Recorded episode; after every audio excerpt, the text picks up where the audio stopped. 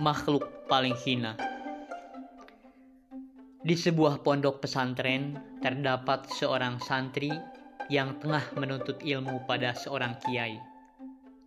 Sudah bertahun-tahun lamanya si santri belajar, hingga tibalah saat di mana dia akan diperbolehkan pulang untuk mengabdi kepada masyarakat. Sebelum santri pulang, kiai memberikan sebuah ujian padanya.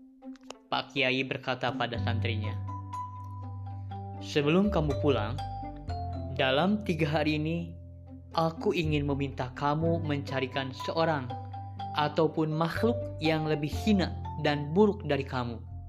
Ujar sang Kiai. Tiga hari itu terlalu lama, Kiai.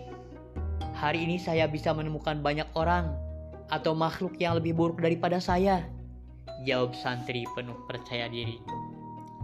Sang kiai tersenyum, seraya mempersilahkan muridnya membawa seseorang ataupun makhluk itu ke hadapannya. Santri keluar dari ruangan kiai dengan penuh semangat karena menganggap begitu mudah ujian itu. Hari itu juga si santri berjalan menyusuri jalanan. Di tengah jalan, dia menemukan seorang pemabuk berat Menurut pemilik warung yang dijumpainya, orang tersebut selalu mabuk-mabukan setiap hari. Pikiran si santri sedikit tenang.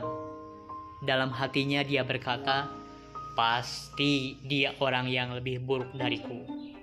Setiap hari dia habiskan hanya untuk mabuk-mabukan, sementara aku selalu rajin beribadah.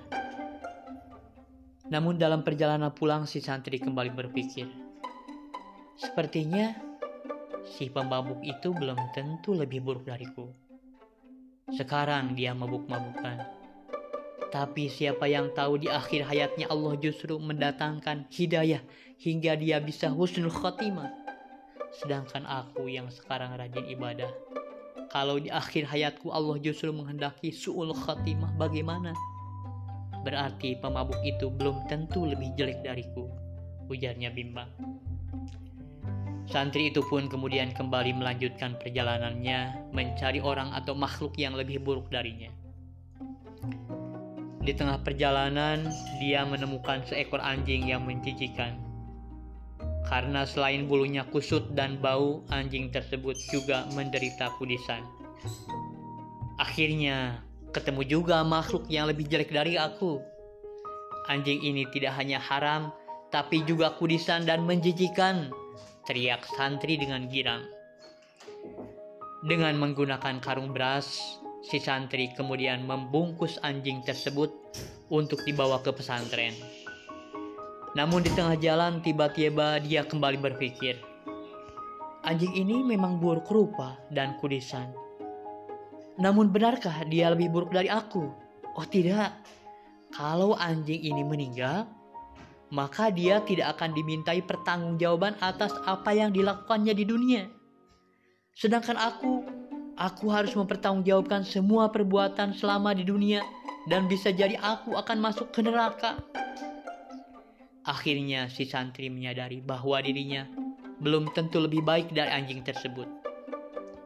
Hari semakin sore, si santri masih mencoba kembali mencari orang atau makhluk yang lebih jelek darinya.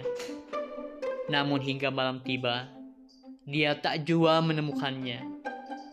Lama sekali dia berpikir, hingga akhirnya dia memutuskan untuk pulang ke pesantren dan menemui sang kiai. Bagaimana anakku? Apakah kamu sudah menemukannya? Tanya sang kiai. Sudah, kiai.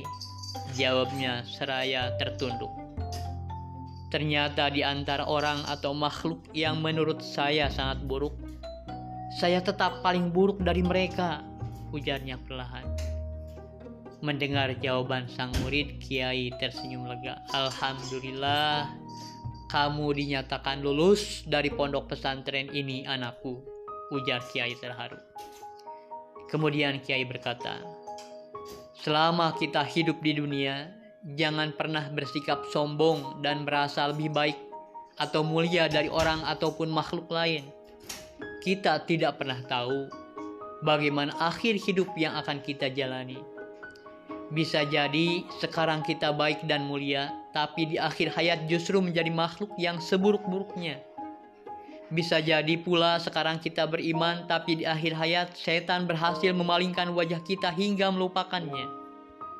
Rasulullah Shallallahu Alaihi Wasallam bersabda, tidak akan masuk ke surga seorang yang di hatinya ada kesombongan meskipun sebesar biji sawi.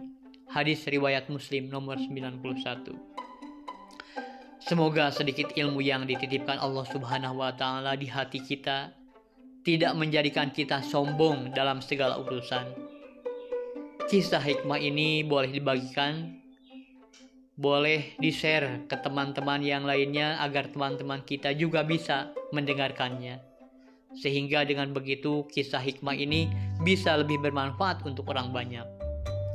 Semoga di sisa umur yang Allah berikan kita dapat mempergunakannya sebaik-baiknya untuk memperbanyak amal soleh dan bukan hanya disibukkan dengan urusan duniawi belaka. Dan semoga kita menjadi lebih baik dan lebih bermanfaat. Amin ya rabbal alamin. Amin ya rabbal alamin khairun nas yanfa'un linnas